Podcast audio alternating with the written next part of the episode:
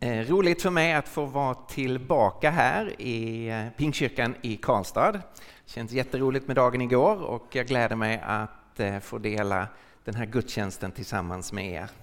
Jag blir ombedd att säga någonting mer om mig själv och eh, mitt arbete innan jag börjar predikan. Jag heter alltså Stefan Gustafsson och jag arbetar för Apologia, Centrum för kristen apologetik. Apologia är ett eh, grekiskt ord det finns faktiskt 18 gånger i Nya Testamentet och översätts vanligtvis med försvar eller med att svara. Och det är därifrån vi har det här svenska ordet apologetik, kanske inte det vanligaste svenska ordet, normalsvensken har väl ingen aning om vad det betyder kanske. Apologetik. Man kan definiera det, precis som vi hörde här, som att apologetik det är att förklara och försvara. Förklara och försvara. Förklara innehållet i kristen tro, vad är det vi tror på? Och försvara sanningshalten, sanningen. Alltså, varför ska man tro på just det innehållet? Så apologetik är förklara och försvara kristen tro, förklara innehållet, vad vi tror på och försvara sanningen, varför vi tror på just det här istället för att tro på någonting annat. Och I Apologia så arbetar vi med, eh, med undervisning, vi besöker församlingar som jag gör den här helgen, med distansutbildningar så man kan eh, gå kurser i, i apologetik. Eh, börja kurser om ett par veckor. Så att eh, om ni går in på vår hemsida apologia.se så kan ni se vilka distanskurser vi erbjuder den här eh, våren. Och eh, vi eh, producerar böcker eh, och ger kontinuerligt ut apologetisk litteratur. Det kan ni också titta på vår hemsida och se vilka böcker vi ger ut. Som handlar om vetenskap och tro, om Guds existens, varför just kristen tro istället för islam, hur ska man tänka om kropp och sexualitet? Varför i all sin dag ska man vara kristen? Så det är vad vi jobbar med i, i Apologia. Det finns ju ett stort behov vi är ju en kultur som eh, har en lång, lång, lång kristen historia, mer än tusen år i Sverige, av evangeliet om Jesus Kristus. Och så har hela kulturen vänt sig bort ifrån den tron. Och nu är det en ny tro som är majoritetstron, en form av sekulär humanism. Och det gör ju att vi som kristna, vi är ifrågasatta, kritiserade från så väldigt många håll. Och då behövs verkligen detta att förklara vad det är det vi tror på och försvara varför tror vi på just det här. Apologia.se, där kan ni läsa mer om vad det är vi gör för någonting. Nu så, predikan. Hur kommer man till tro på Jesus? Det är frågan som den här predikan ställer. Hur kommer man till tro på Jesus? Och vi ska läsa ett väldigt spännande avsnitt i Johannes evangeliets fjärde kapitel. Den sista delen av det kapitlet. Johannes kapitel 4, vers 43 till 54. 43 till 54.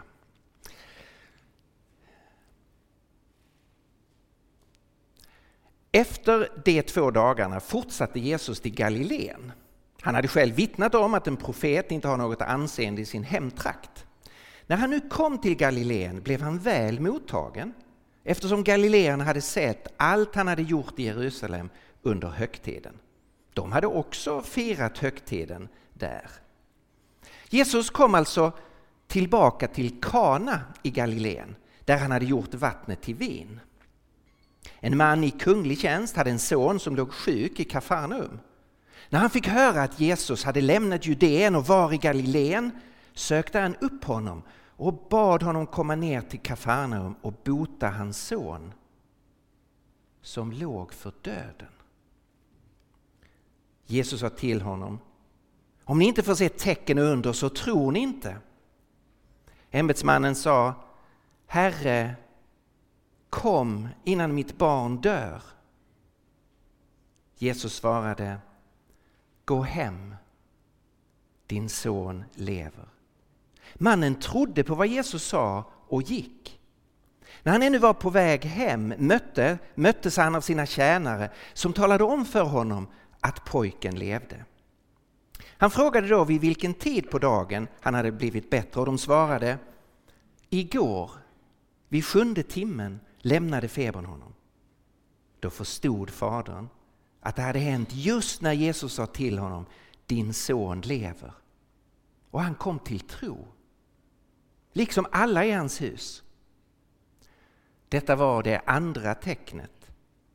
Och Jesus gjorde det när han hade kommit från Judeen till Galileen.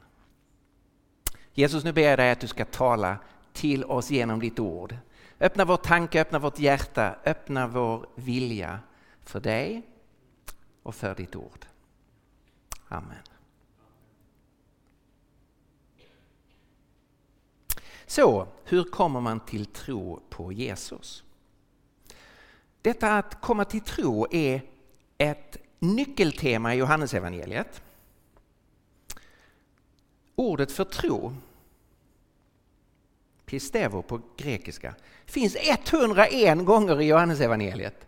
Tala om att det är ett centralt tema. 101 gånger talas det om tro. Det inleder evangeliet. Men åt dem som tog emot honom gav han rätten att bli Guds barn åt alla som tror på hans namn. Och det avslutar evangeliet. Men dessa tecknen har upptecknats för att ni ska tro att Jesus är Messias, Guds son och för att ni genom att tro ska ha liv i hans namn. Så du inleder evangeliet och avslutar evangeliet och däremellan är det då 99 gånger så talas det om tro, utmanar det till tro. Och det är det här vi ska tala om. Nu finns det en, en mängd missförstånd om vad i all sin dag är tro för någonting. Det är tydligen oerhört centralt i Johannes evangeliet. Men vad är tro? Hur ska man tänka om det? I vår kultur så är det väldigt många som sätter upp en motsats mellan tro och vetande. Så tro är liksom motsatsen till att ha kunskap och, eh, och så. Man tror liksom utan att tänka, man tror utan att veta, man tror utan förnuft och, och sådär. Det tänker vår kultur. Så är det ju inte alls i Nya Testamentet. Det är inte motsatsen till förnuftet. I Nya Testamentet är det så här. Vi lever i tro utan att se. Det är motsatsen. Vi lever i tro, inte i åskådning. Men vi lever inte utan att tänka, vi lever inte utan argument, vi lever inte utan att använda förnuftet. Men vi lever i tro på något där vi ännu inte ser fullheten. Vi tror att Jesus är Herre och upphöjd över allting men ännu ser vi inte att allting är honom underlagt. Men det kommer en dag då det vi tror på kommer också bli synligt och alla ska se det och alla ska bekänna att han är Herre och böja sina knä för honom. Andra tänker så här, ja, men tro det, det är nästan som någon sorts talang. Vissa är liksom musikaliska, de har det här med, med rytmen och harmonierna och känslan för musiken. Och andra av oss har aningen mindre av det, det är liksom någon sorts talang. Så vissa kan tro medan andra säger så här, men jag kan inte tro. Som om man saknade en talang. Nej, men det är inte så tro är i Nya Testamentet. Ett känt ställe i Hebreerbrevet säger så här, tron är en övertygelse om det man hoppas, en visshet om det man inte ser. Att ha en övertygelse är inte en fråga om talang. Det kan du ha vem du än är. Att få en visshet om någonting, det är inte beroende på någon talang. Andra tänker så här, ja men tro är väl ändå någon sorts um, personlighet. Vissa är liksom lite mer optimistiska, lite mer hoppfulla, sådär, lite naiva, sådär, ser inte riktigt hur saker och ting är. Och sen andra är mer pessimistiska, mer realistiska. Liksom, så. Och, och det är de här lite naiva, hoppfulla människorna, de, de sätter igång och tro. Nej, det är inte alls så som tro förstås i, i Nya Testamentet. Tro förstås faktiskt som en, en gåva som vem som helst kan få. Jesus säger så här, ingen kan komma till mig om han inte får det som gåva av Fadern. I en viss mening kan man ju komma till Jesus, man kan söka upp Jesus, det gjorde ju människor runt omkring Jesus och vi kan idag komma till Jesus genom att studera hans ord och be till honom, vi kan närma oss Jesus. Och det som då sker är att man kan få en gåva från Jesus som är tron. Man kan inte ta sig den själv, det finns någonting här att det är Gud som ger den. Men det har ingenting med din personlighetstyp att göra. Kristen tro är till för vem som helst, för alla.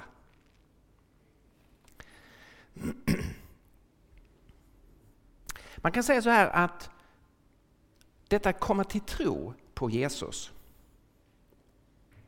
det har en sida som man kan kalla för försanthållande. Man blir övertygad om att Jesus är Messias, Guds son. Att det här är sant, det är på riktigt. Det är den ena sidan av tron, försanthållande. Men kristen tro, för att fullt ut vara kristen tro, har också en dimension till. Man måste ta emot honom i sitt liv, inte bara hålla det för sant, utan faktiskt personligen ta emot Jesus. Ni ser att det här är som synonymer att ta emot honom och tro på hans namn. För att ta ett exempel. Jag vet inte om någon av er har varit på en sån här balkong. Det här är från Sears Tower i Chicago. Jag har faktiskt varit där. Och vid den tidpunkten för eh, flera decennier sedan så var det världens högsta byggnad. Och så har de byggt en balkong där väggarna är i glas och golvet är i glas. Och så kan man stiga ut i så att säga luften. Det kräver en del kan jag säga när man är på plats. Jag vet inte om någon av er har tagit det steget ut. Det är hundratals meter ner till betongen. Och då är det så att då, kan man ta reda på allting om glasets bärkraft. Man kan tala med arkitekten och med eh, byggmästaren och man kan lära sig allt om hållfasthetslära och allt om glastyper. Och man kan få verklig visshet om att det här kommer att hålla för samtalande. Det här håller för människor. Jag kan stå här.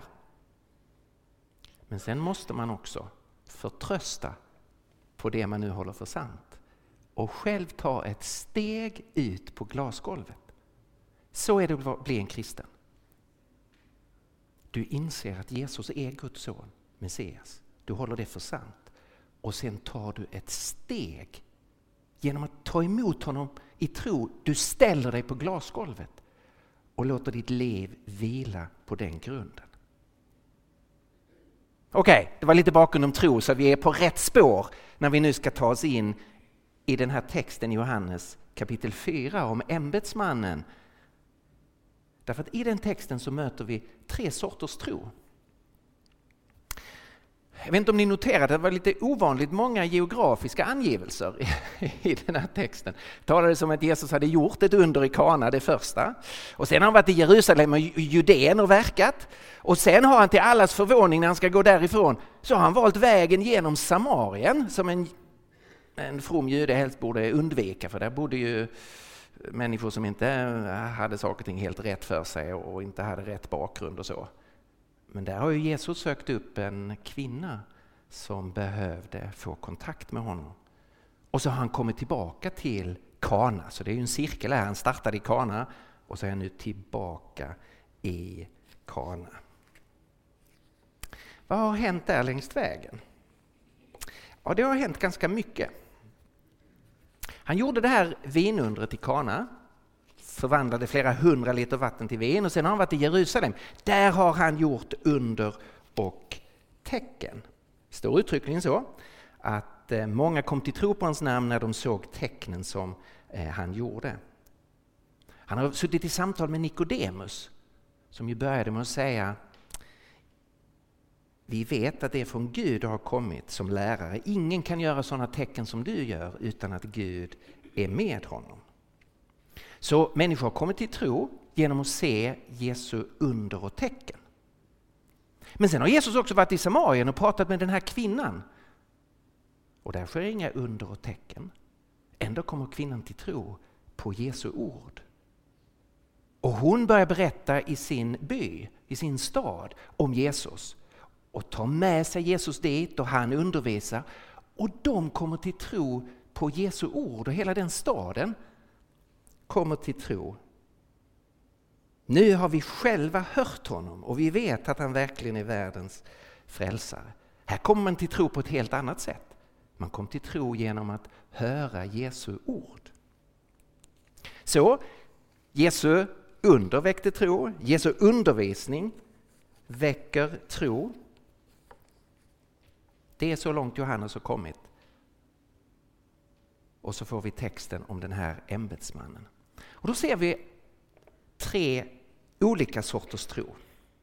Så låt oss börja med det dåliga. En felaktig tro. En felaktig tro. När nu Jesus kommer tillbaka till Kana så är han ganska pessimistisk. Han har pratat om att ingen är profet i sin egen hemstad. Det är som om han inte har några större förväntningar att när han nu kommer tillbaka så här så ska han inte tas emot. Och det verkar ju framförallt gälla hans egen verkliga hemstad där han bodde, Nasaret. Där hade man svårt för tro på Jesus. Men när han nu kommer till Kana så är det precis som om det här inte riktigt stämmer. För vår text började med att säga när han kom till Galileen blev han väl mottagen eftersom Galileen hade sett allt han hade gjort i Jerusalem under högtiden. Så folket är verkligen imponerade av Jesus. De har sett dem göra under i Jerusalem, för de har varit med där, firat gudstjänst. Nu är de tillbaka i Kana, Jesus kommer dit. Och han blir väl mottagen, för nu ska det hända grejer, tänker de. Och de, en del av dem minns ju vinundret. Wow, tänker man göra en sån grej igen? Så han tas väl emot och ryktet sprider sig att Jesus har kommit till stan. Och det sprider sig ner till Kafarnaum, till kung Herodes medarbetare. Den här kungliga ämbetsmannen, han jobbar för Herodes Antipas, en korrupt, en korrupt eh, kung, lydkung under Rom som eh, fick ansvar för det här området. Och det är klart, eh, de har ju koll på vad händer i vårt område här och nu har ryktet nått palatset. Jesus har kommit till Kana. Och då tar den här ämbetsmannen, då tar han sig hela vägen från Kafarnaum till Kana. Det är sådär två och en halv mil. För han är desperat. Hans son är döende. Han har en liten pojke som är sjuk. Och han är förstås en man med resurser. Han jobbar ju för kungen. Kan vara säker på att all den medicinsk förmåga som fanns, den har han kunnat Eh, har till sitt förfogande och ingenting har hjälpt. Pojken är sjuk och han blir sämre och alla som står runt omkring ser han, han kommer att dö. Pojken är döende. Och så samtidigt kommer ryktet. Jesus har kommit tillbaka från Jerusalem. Jesus är i Kana. Och mannen beger sig dit. Han tar sig upp till Kana, tränger sig fram till Jesus och säger Kom ner till Kafarnaum och hela min son. Då händer någonting väldigt märkligt. Det här är en helt hjärtskärande situation, eller hur? Min son ligger för döden. Och vad svarar Jesus? Det är precis som Jesus är fullständigt okänslig Kom ner och hela min son. Och Jesus svarar Om ni inte får se tecken och under så tror ni inte. Vad är detta? Om man, om man läser evangelierna så då är det så att Jesus är ganska förvånande på alla möjliga sätt. Han är inte speciellt förutsägbar. Och det är alldeles uppenbart så här att Jesus är en person som inte drar sig upp för att provocera andra. Så om du tänker att du ska närma dig Jesus och aldrig bli provocerad, då kan du glömma det. Jesus är en mycket mer intressant person. Han stryker dig inte bara medhårs. Kommer du ihåg när han sitter och pratar med Nikodemus? Som inte riktigt greppar Jesu undervisning. Då säger Jesus här, och du ska vara en lärare för Israel. Skakar om honom, vad är det med dig? Som har ord om att vara en stor teolog och så fattar du inte det här. När han sitter med kvinnan vid brunnen, det är ett väldigt mjukt och inkännande samtal. Men sen kommer Jesus också med en verklig utmaning. Gå och hämta din man. Det som är tragedin i hennes liv, fem män har hon haft och den hon nu lever med är inte hennes man. Och Jesus sätter fingret på det som är den ömma punkten. Så Jesus är inte eh, konflikträdd. Det kan man inte säga. Han ser igenom situationer. Han lyfter fram sånt som finns under ytan. Men är det ändå inte att gå över alla gränser och utmana den här mannen som står där gråtande med en döende son? Ja, det är viktigt att se. Mannen ställer den här frågan och så säger Jesus om ni inte får se under och tecken så tror ni inte. Han riktar sig faktiskt inte till mannen utan till de som står runt omkring. Det är människorna han talar till där. Alla de som har tagit emot honom så väl och tänker nu blir det show för nu kommer Jesus göra under och tecken. Wow vad spännande det här blir. Tänk om vi får ännu mer vin. Och Jesus anar den här atmosfären och när den här mannen kommer och ber om ett under så är det åhörarnas reaktion som Jesus punkterar där. Ni är på fel väg om ni bara är ute efter under och tecken. Man ska notera en sak. Jesus gjorde mängder med under och tecken och ingen kunde ifrågasätta att de hände. Undrens verklighet var bortom allt tvivel. Jesus gjorde för många, för dramatiska under för att kunna säga att det var fejk. Det var det ingen som kunde säga, att hans under bara var påhitt, trollerikonstnär, eh, trollerikonster.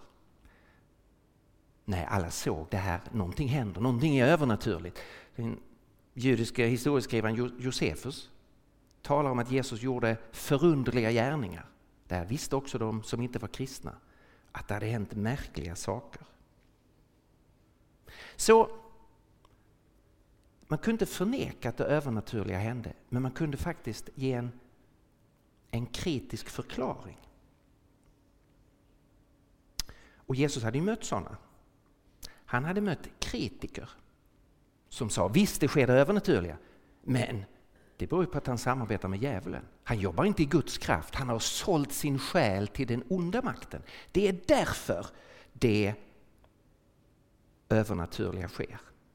Så det finns ju den gruppen som är hans värsta kritiker. Som inte har ett uns av öppenhet för att ta in vem han är utan bortförklarar det med att det skulle vara djävulen.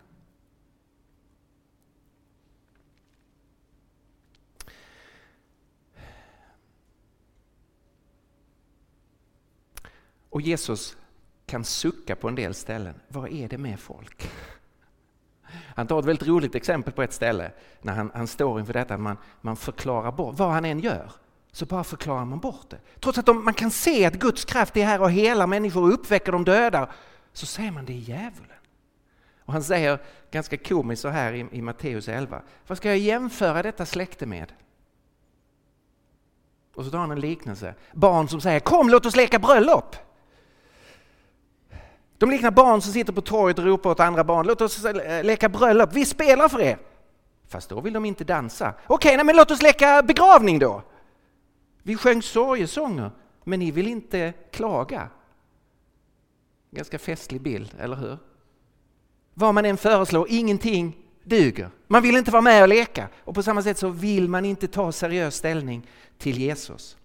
Och Jesus för över det här och säger Johannes kom, han varken äter eller dricker. Då säger man han är besatt.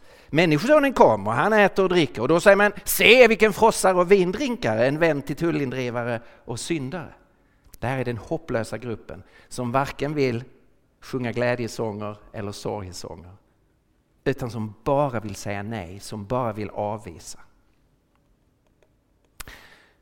Men Jesus mötte också en annan sorts felaktig tro. Och det skulle man kunna säga, det är inte kritikerna utan det är fanklubben. Det här låter väldigt annorlunda. Det är fanklubben, en mycket, mycket större grupp.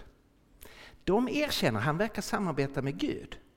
Men de tänker, honom kan vi använda för våra egna syften. Det här blir spännande, äntligen en man med resurser. Wow vad det kan få betyda för mitt liv.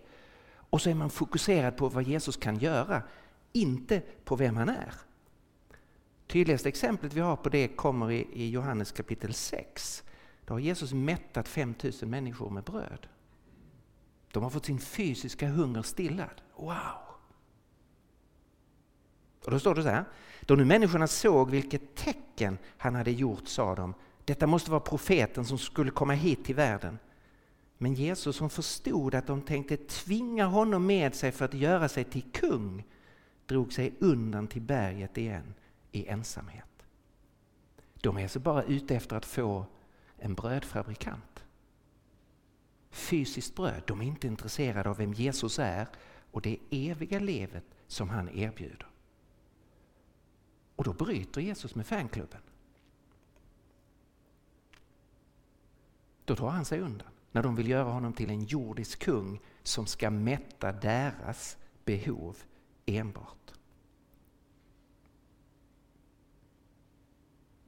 Men vi möter i den här texten eh, också den här mannen i kunglig tjänst. Han är absolut inte kritiker. Frågan är,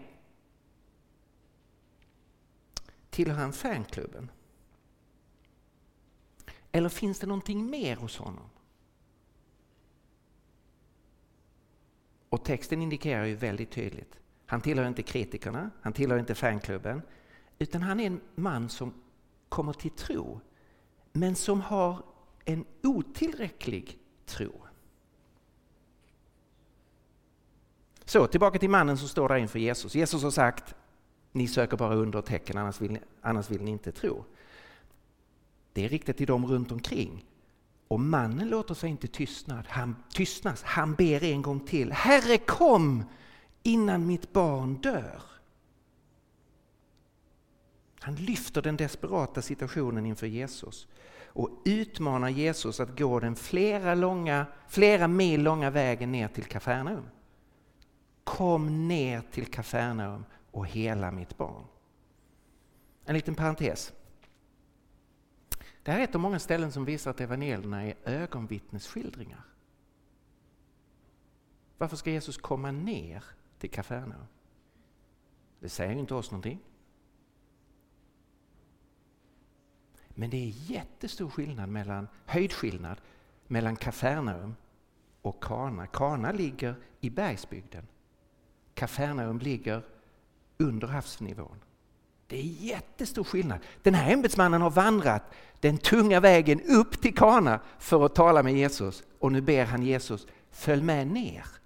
Det finns ett antal sådana här topografiska, det handlar om höjdskillnader, topografiska uppgifter i evangelierna som bara den som har vandrat vägarna känner till. Två gånger i vår text står det Kom ner till Kafarnaum. Så, mannen står på sig och vi känner ju hans kärlek till sin son. Och vi förstår honom ju så väl. Han har ju hört rykten om att Jesus faktiskt kan bota de sjuka. Han skulle kunna hela hans son och han ber om det. Samtidigt så kan han bara föreställa sig att Jesus måste ju ta sig ner till Kafarnaum. Han måste ju vara på plats, han måste gå in i rummet, han måste antagligen lägga sin hand på pojken, han måste säga något märkligt i, i rummet, han måste göra någonting där på plats, annars så kan det inte gå. Så han har ju inte fullt ut förstått vem Jesus är. Men tecknen som Jesus har gjort och som han har hört om har väckt hans intresse. Och Det här är ju förstås en av poängerna med de under som Jesus gör, att väcka intresse. Och Jesus själv är ju inte alls rädd för att använda undren som argument för att människor ska ta honom på allvar. Han kan säga så här i Johannes kapitel 5. De verk, och det syftar på underverken här, som Fadern har sänt mig i uppdrag att fullborda, just de som jag utför, vittnar om att Fadern har sänt mig. Och i Johannes 14 säger han, Tro mig när jag säger att jag är i Fadern och Fadern i mig. Eller tro åtminstone för gärningarnas skull. Om ni inte tror mig på mina ord. Så se vad som sker. Ni ser ju att det som bara Gud kan göra sker utifrån mig. Och enda förklaringen är ju att han och Fadern är ett. Så Jesu gärningar bekräftar hans anspråk och tvingar oss liksom att börja tänka, vem är han? som kan göra de här sakerna. Och det i sin tur tvingar oss att ta ställning till honom. Men här är nu det viktiga. Man får inte bara stirra på gärningarna. De är tecken.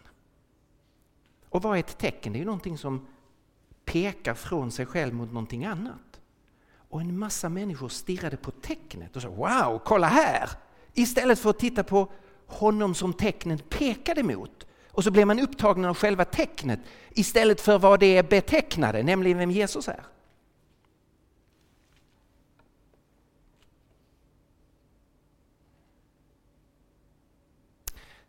Tecknen är viktiga i Jesu verksamhet. Man tänker så här.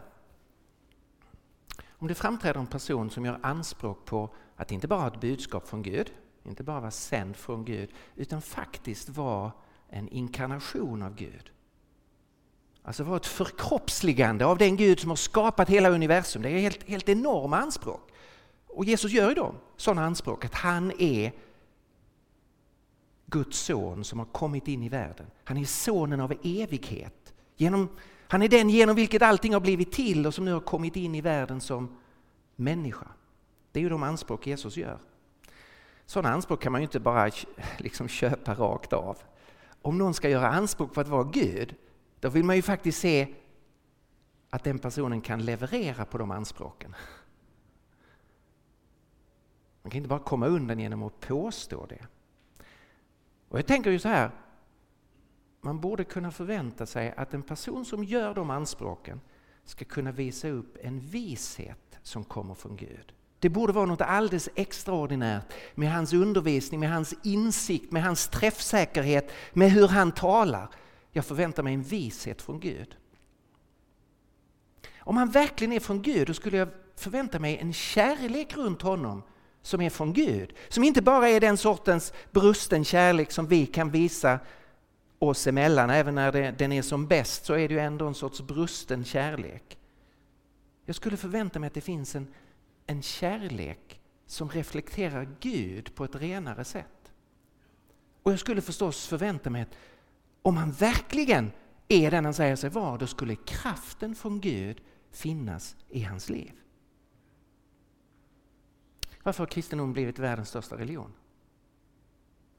Därför att genom hela historien, från det att Jesus framträdde, så har just de här tre dragen varit så attraktiva. Man har känt det runt Jesus.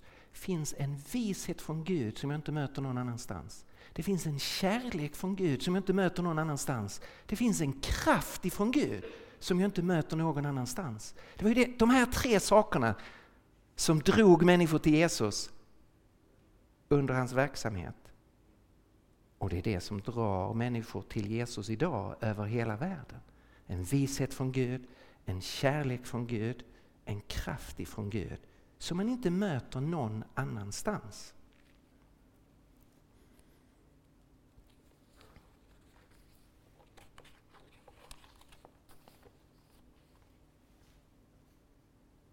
Tillbaka till mannen som står inför Jesus och ber för sin son. Han låter sig inte hindras av Jesu kritik mot de andra utan han säger Herre kom innan mitt barn dör. Och då kommer Jesu underbara respons. Gå, gå hem, din son lever. Gå hem, din son lever. Den här mannen som ju står i kungens tjänst står nu inför någon, någon som är så mycket mäktigare än kungen. Han står inför honom som är skapare av tid och rum. Som inte alls behöver vara på plats i Kafarnaum för att helandet skulle kunna ske. Han står inför honom som kan säga Din son lever. Och två och en halv mil längre bort, längre ner så lämnar febern en pojke och han blir helt frisk. Därför att Jesus är den han påstår sig vara. Och då sker det att mannen trodde på vad Jesus hade sagt. eller som de flesta översättningar markerade lite starkare, då trodde mannen det ord som Jesus sa till honom och han gick. Han satte sin tro till ordet från Jesus. Så mannen tror på Jesu ord att sonen ska bli frisk. Men frågan är fortfarande, tror han på Jesus? Han tror på Jesu ord att sonen ska bli frisk. Men tror han på Jesus? Det är fortfarande en otillräcklig tro om hans tro enbart är att han tror på Jesu ord om att eh, sonen ska bli frisk. För han har fortfarande inte en bekännelse och en överlåtelse till att Jesus är Messias, Guds son.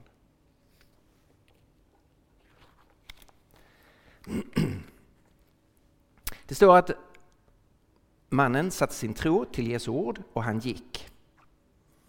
Det behöver inte betyda att han lämnade Jesus den sekunden. Tror ni inte att han har hängt kvar ett tag till för att lyssna till mer vad Jesus har sagt? Vi förstår ju att han är tvungen att stanna kvar i Kana och sova över för det är först nästa dag på vägen hem han möter sina tjänare. Så åtminstone föreställer jag mig att han stannade kvar ett tag och lyssnade mer till Jesus. Och sen är det för långt att gå, gå ner eh, samma dag så han väljer att stanna över i Kana. Och han måste ju tänka oerhört mycket på vad är det Jesus har sagt? Och hur kan han göra min son frisk på den här sortens distans? Och vem är han då egentligen? Det här måste ju ha gått runt i hans huvud. Jag tror på hans ord. Men vem är han som har sagt de här orden? Och Det leder oss över till den tredje punkten, nämligen sann tro. Nu var det ett antal minuter sedan vi läste texten så ni kanske inte noterade en väldigt konstig sak. I vers 50, det som jag precis har citerat, så står det Då trodde mannen det ord som Jesus sa till honom och gick. Och sen, när han har mött tjänarna som kommer mot honom och säger din son lever och i princip citerar Jesus. Och när han frågar när skedde detta? Jo, det skedde vid sjunde timmen, alltså klockan ett, igår. Och han inser, det var ju exakt då Jesus sa det. Så står det att då kom han själv till tro. Och sen kommer hela hans familj till tro. Ser ni, han trodde på Jesu ord. Och sen går det ett dygn och när han ser att det ordet går i uppfyllelse, då kommer han till tro på Jesus. Och hela hans familj kommer till tro. Och så kan han gå den sista sträckan hem, de har ju mötts halvvägs, han och hans tjänare. Vilken glädje när han kommer hem och pojken springer ut. Då blev det fest i Kafarnaum.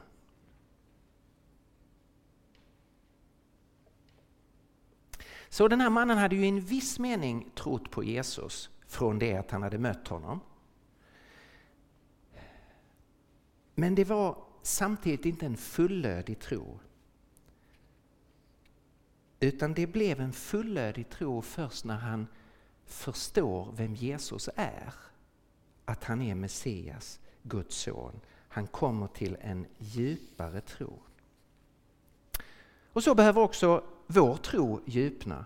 Från det en tro på vad Jesus kan göra för oss. Och Jesus kan göra fantastiskt mycket för oss och han kan ge oss fantastiskt mycket.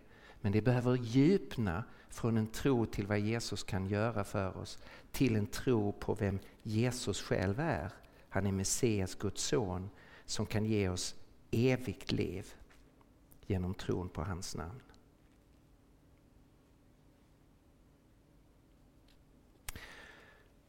Jesus återkommer vid flera tillfällen till den felaktiga användningen av under och tecken. Vi ska ju glädja oss åt alla de undertecken Jesus gjorde och som fortsätter att ske över jorden idag. Vi som har kontakt framför allt med vad som sker vid evangeliets frontgränser i, i, i tredje världen hör ju kontinuerliga rapporter om under och tecken som gör att evangeliet bryter igenom. Och Samtidigt så finns här då hos Jesus också en varning för att inte sätta de tecknen eller använda de tecknen på ett felaktigt sätt. De måste vara tecken som pekar mot Jesus. Och Jesus sa, säger själv så här i Matteus 12 till några av dem som oavsett vilka tecken Jesus gjorde ändå inte ville tro på honom. Så sa han så här, det står Sedan sa några skriftlärare och fariseer till honom, Mästare, vi vill se dig göra tecken. Vilken idiotisk fråga. Det präglar ju allt Jesus, liksom hela Jesu verksamhet. Men de är inte nöjda utan de vill ha sina specialtecken. Mästare, vi vill se dig göra ett tecken. Och då svarade Jesus, detta onda och trolösa släkte kräver ett tecken, men det ska inte få något annat tecken än Jona-tecknet. Ty liksom profeten var i den stora fiskens buk i tre dagar och tre nätter så ska Människosonen vara i jordens inre i tre dagar och tre nätter. Så Jesus väljer att inte göra en show av tecken när de ber honom. Men han säger det kommer att finnas ett enormt och förblivande tecken som trumfar alla andra tecken. Och det är det som är symboliserat i det som hände med profeten Jona, han som var i valfiskens buk tre eh, dagar och tre nätter. På samma sätt ska Människosonen dö och på tredje dagen uppstå igen. Och det är det yttersta, det förblivande tecknet på vem Jesus är. Det är så Paulus använder det i Apostlagärningarna 17 när han talar om vem Jesus är och att Jesus är den som är Herre och därför är den som är utsedd till att vara domare över alla. Han ska döma världen med rättfärdighet genom en man som han i förväg har bestämt därtill. Eh, Gud ska döma världen med rättfärdighet genom en man som han i förväg har bestämt därtill. Det har han bekräftat för alla människor genom att låta honom uppstå från de döda. Uppståndelsen är den yttersta bekräftelsen det yttersta tecknet på vem Jesus är. Och Det är därför som vi kontinuerligt behöver inbjuda människor att undersöka Jesu död och Jesu uppståndelse, korset och den tomma graven. Vad Jesus gjorde när han dog för oss och det som hände när Gud uppväckte honom och förhärligade honom och gav honom all makt i himlen och på jorden. Det är de, de yttersta tecknen som bekräftar vem Jesus är. Och nu sitter vi här i Pingstkyrkan i Karlstad idag. Jesus är densamma. Han har gett oss tecknen. Och nu får vi pröva oss själva. Var står vi här?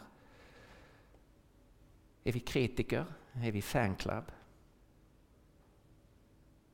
Eller tänker vi att Jesus har mycket att ge mig men Jesus själv är jag inte så säker på.